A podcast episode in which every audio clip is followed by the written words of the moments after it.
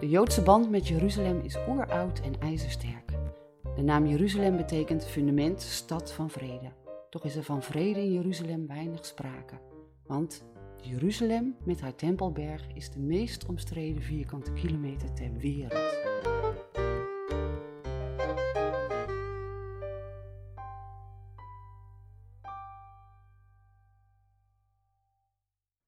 Shalom en welkom bij IB Podcast.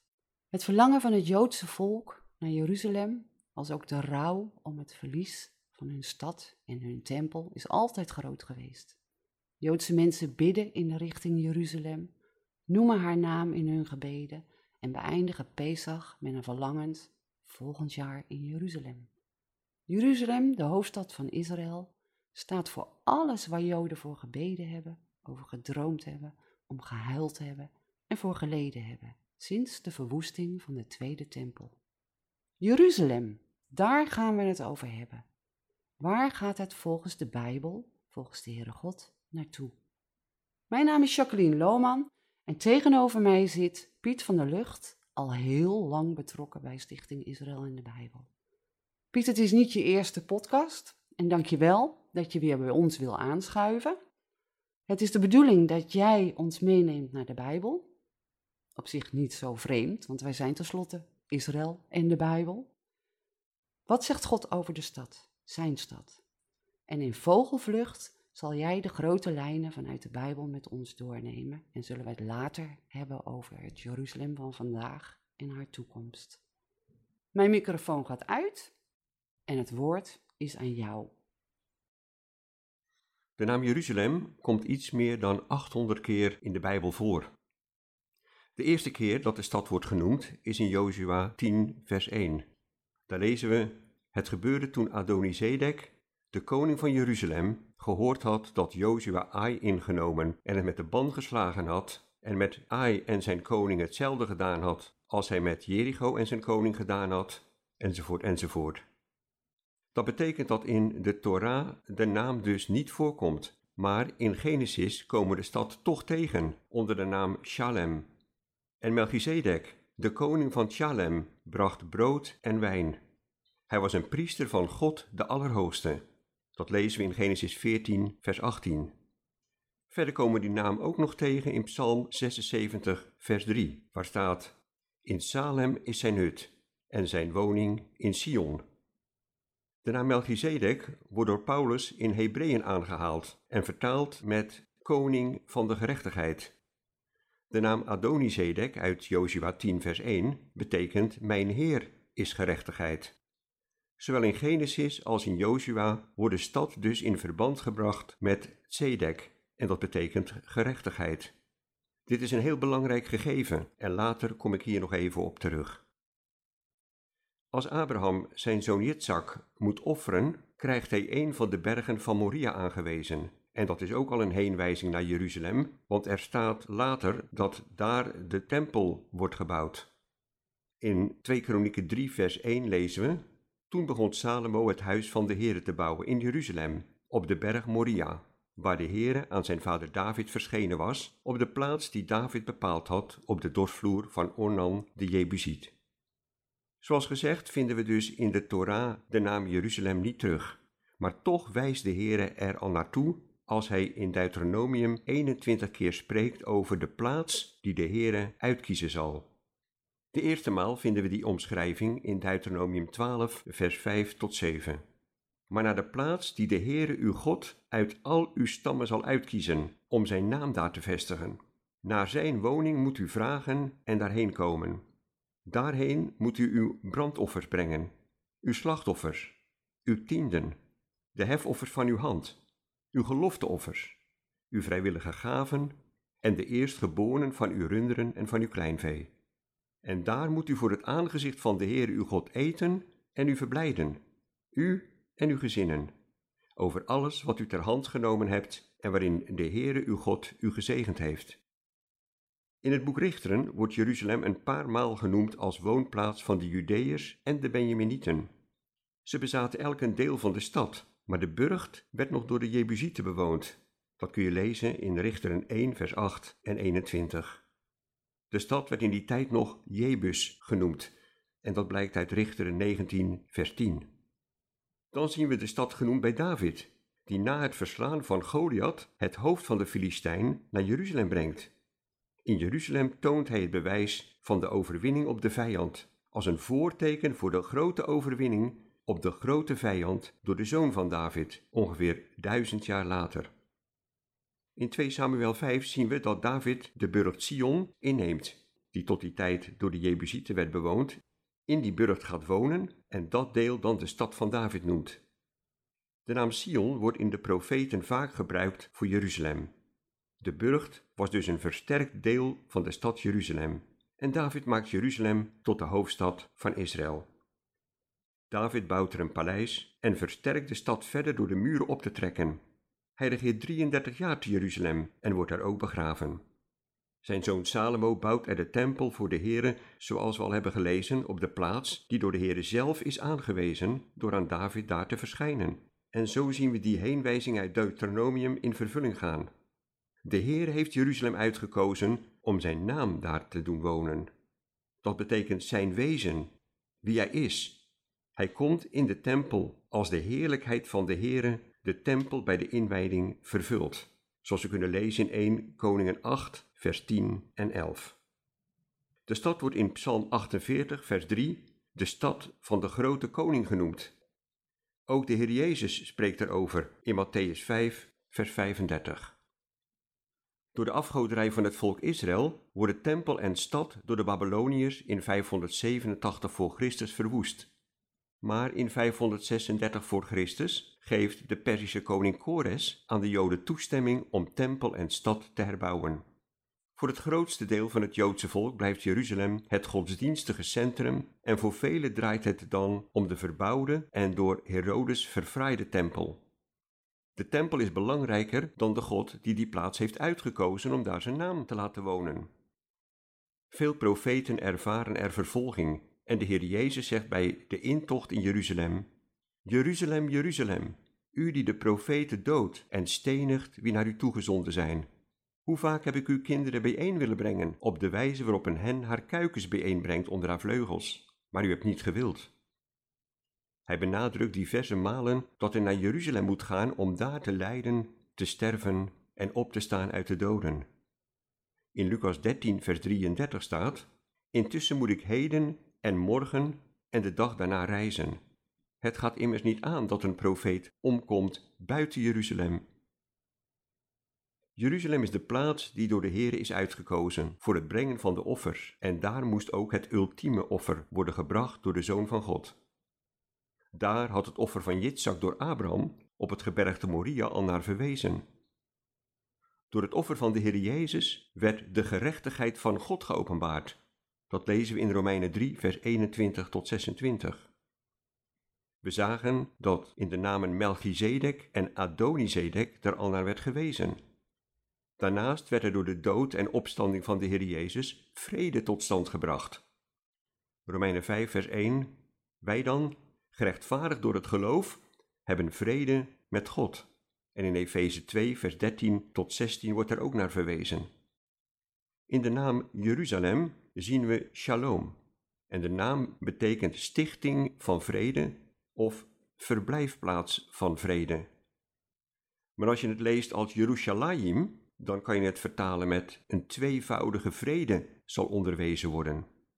Die laatste betekenis is wonderlijk, want door het offer van de Zoon van God is er vrede met God, zoals we zagen in Romeinen 5 vers 1, en vrede van God, zoals beschreven staat in Filippenzen 4 vers 6 en 7. Als we alles wat we wensen en begeren door gebed en smeking met dankzegging bekendmaken bij God, dan zal de vrede van God, die ons verstand te boven gaat, onze harten behoeden in Christus Jezus. De Heer Jezus voorzegt in Lucas 21, vers 20 tot 24 dat Jeruzalem door de heidense legers zal worden ingenomen en de inwoners van het land door het zwaard zullen worden gedood en in gevangenschap zullen worden weggevoerd onder alle heidenen. Jeruzalem zal door de heidenen vertrapt worden, totdat de tijden van de heidenen vervuld zullen zijn. De vervulling van deze profetie heeft voor een deel plaatsgevonden in 70 na Christus door de Romeinen. Echter ook in de toekomst zal er weer zoiets plaatsvinden, zoals we kunnen lezen in Zacharia 14. Dat zal gebeuren kort voor de wederkomst van de Zoon des Mensen, waar de Heere in Lucas 21, vers 25 tot 32 naar verwijst. Ook Daniel heeft hiervan geprofeteerd in hoofdstuk 9, waarin vers 24 gezegd wordt waar het allemaal op uitloopt. Uw volk en uw heilige stad, om de overtreding te beëindigen, de zonde te verzegelen, de ongerechtigheid te verzoenen en om een eeuwige gerechtigheid tot stand te brengen, om visioen en profeet te verzegelen en om de heiligheid der heiligheden te zalven. Na de opstanding van de Heere zien we in Jeruzalem op het wekenfeest, wat wij Pinksteren noemen, de gemeente, het lichaam van Christus ontstaan en speelt de stad een belangrijke rol tijdens de periode van handelingen, omdat daar de apostelen blijven die de gemeente leiden. De gemeente is nu de tempel waar God in woont. Dat blijkt uit 1 Korinthe 3 vers 6, 2 Korinthe 6 en Efeze 2. Vlak voor de wederkomst van de Heer Jezus lezen we in Openbaring 11 dat er twee getuigen van de Heer zullen optreden in de grote stad die geestelijk genoemd wordt Sodom en Egypte, waar ook onze Heer gekruisigd is. De naam Jeruzalem lezen we niet in Openbaring behalve aan het eind waar het nieuwe Jeruzalem wordt beschreven. Na de wederkomst van de Messias Jezus, tijdens het door hem opgerichte koninkrijk, zal Jeruzalem het centrum van de wereld zijn. Hij zal op de troon van David zitten en al de overgeblevenen van alle heidenvolken die tegen Jeruzalem zijn opgerukt, zullen van jaar tot jaar opgaan om zich neer te buigen voor de koning, de Heere van de legermachten, en om het Loofhuttenfeest te vieren. Jeruzalem, stad van de grote koning. Aan het eind van het duizendjarig rijk zullen velen uit de volken, geïnspireerd door Satan, de legerplaats van de heiligen en de geliefde stad omsingelen, maar God oordeelt hen door vuur uit de hemel. Onze Bijbel eindigt met de beschrijving van het nieuwe Jeruzalem en een nieuwe hemel en een nieuwe aarde. Dat Jeruzalem heeft de heerlijkheid van God en geen tempel. De Heere, de Almachtige God is haar tempel en het Lam. Openbaring 21, vers 22. In die wonderlijke stad is de troon van God en van het Lam, en daar is Israël, de dienstknechten van God, en naar mijn mening ook de gemeente, het lichaam van Christus. Het nieuwe Jeruzalem is de verbinding tussen hemel en aarde, waarvoor in het oude Jeruzalem de basis werd gelegd door het offer en de opstanding van de Zoon van God, onze Heer Jezus Christus.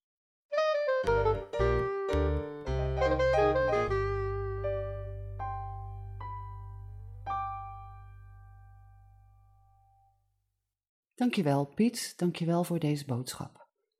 Naar aanleiding van jouw studie heb ik toch een vraag. En ik denk dat dat wel eens een vraag kan zijn die bij veel gelovigen ook leeft.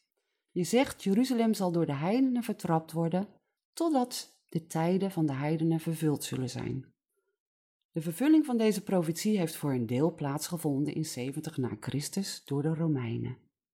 Hoezo is er sprake van een gedeeltelijke vervulling? Want veel christenen, en ook Joden trouwens, zien 67 als de complete vervulling van profetie. Piet, neem ons eens stapsgewijs mee naar die periode voor Jezus' wederkomst. Zo de gebeurtenissen van de Bijbel even op een rijtje zettend. Of is dat een hele lastige vraag voor je? Het is geen lastige vraag, maar misschien wel een heel uitgebreid antwoord. Ja, prima. Het punt is in de eerste plaats dat, als het over vervullen van profetieën gaat, er verschillende inzichten zijn. Als het gaat over de terugkeer van Israël naar het beloofde land sinds 1947-48, dan zien veel mensen dat als de vervulling van de profetieën van het Oude Testament. Maar in die profetieën, en zeker in een aantal profetieën, zien we dat er een voorwaarde is voor die terugkeer. En die voorwaarde is bekering van Israël onder de volken. En dan zal de Heer ze terugbrengen. Onder andere Deuteronomium 30, het eerste gedeelte, spreekt daarover. Voor mezelf zie ik in de terugkeer uit Babel onder Ezra, zoals we dat kunnen lezen in het Oude Testament, een soort voorgeschiedenis, een plaatje van wat er sinds 1948 gebeurt. Waarom moesten de Joden toen terug vanuit Babel naar Jeruzalem? Nou, de tempel moest herbouwd worden en de Messias moest komen, want die moest in het land geboren worden. En ik geloof dus wat dat betreft dat de terugkeer van het Joodse volk sinds 47, zeg maar, dat dat eigenlijk om diezelfde reden plaatsvindt. De tempel moet herbouwd worden en de Messias moet komen, moet voor ons dan terugkomen.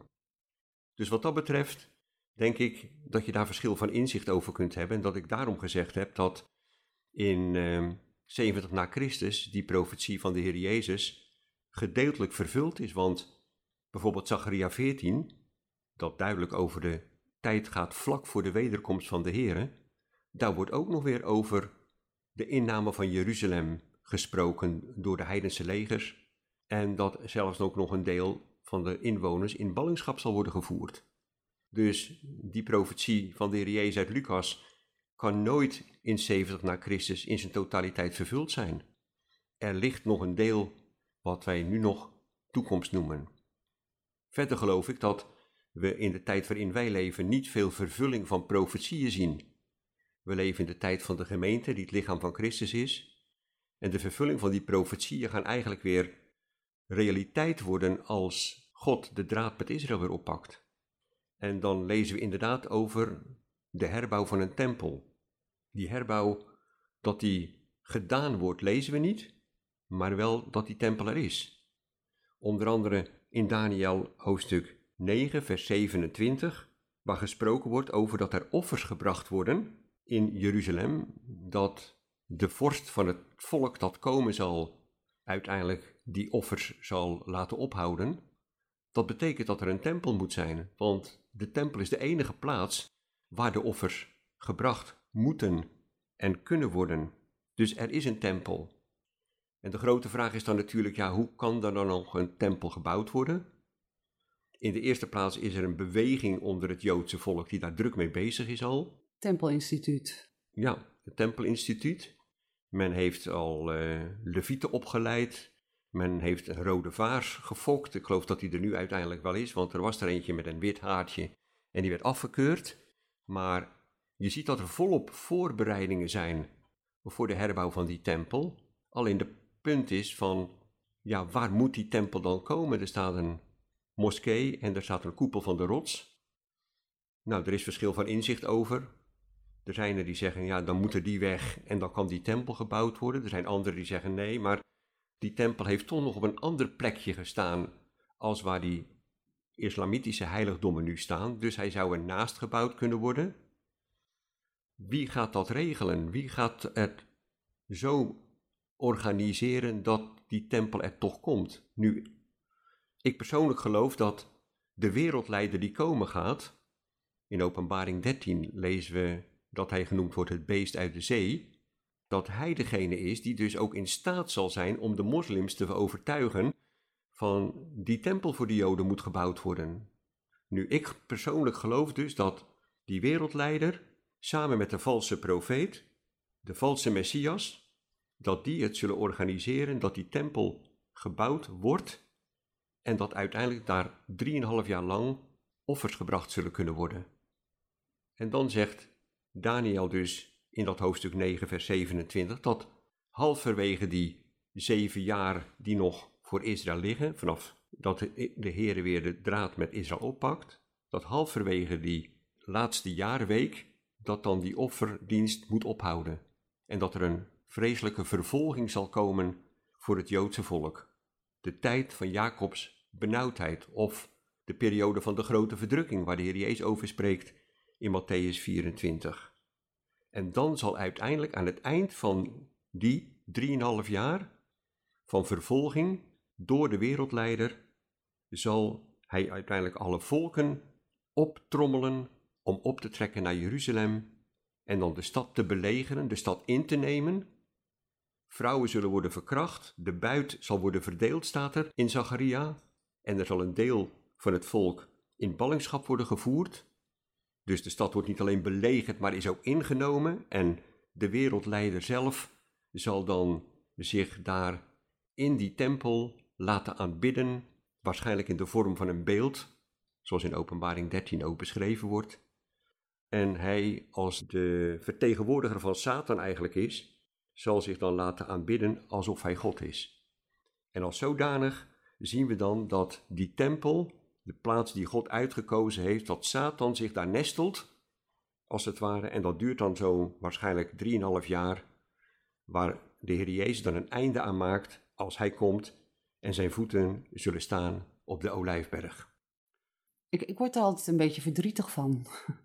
Dan denk ik van, uh, hoeveel, hoeveel moet het Joodse volk nog lijden?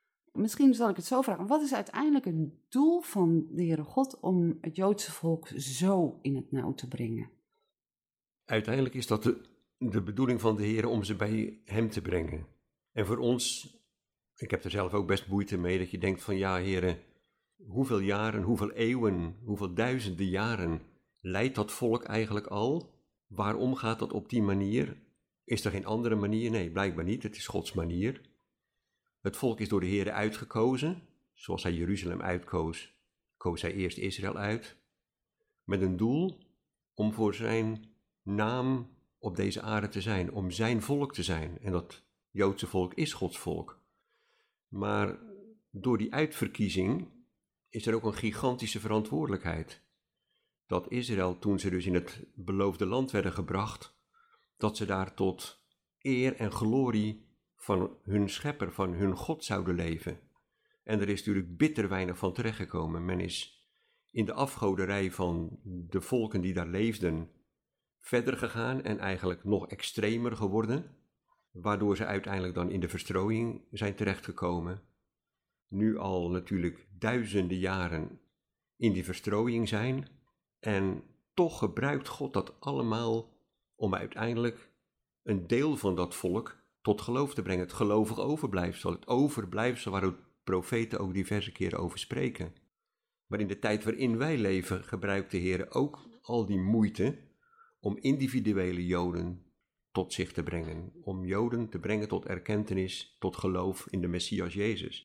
Waar wij als Israël in de Bijbel ons natuurlijk ook ja, hard voor mogen maken om ze dat woord te geven en om ze op die manier een kans te geven om de Messias, om die God van Israël te leren kennen.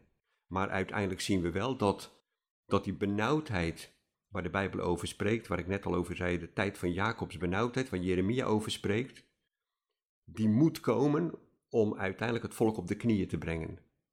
In de vader van Israël, Jacob, zien we daar een geweldig voorbeeld van als hij aan de beek Jabok komt in grote nood is, in angst is voor zijn broer Esau, die hem gaat ontmoeten, dan staat er dat in de nacht, als alles over de jabok is gezet en hij zelf achtergebleven is, alleen, dan worstelt een man met hem. En Jacob blijft maar weerstand bieden. Het schijnt nog wel een aardige mannetjesputter geweest te zijn op zijn leeftijd, want hij was al over de honderd jaar.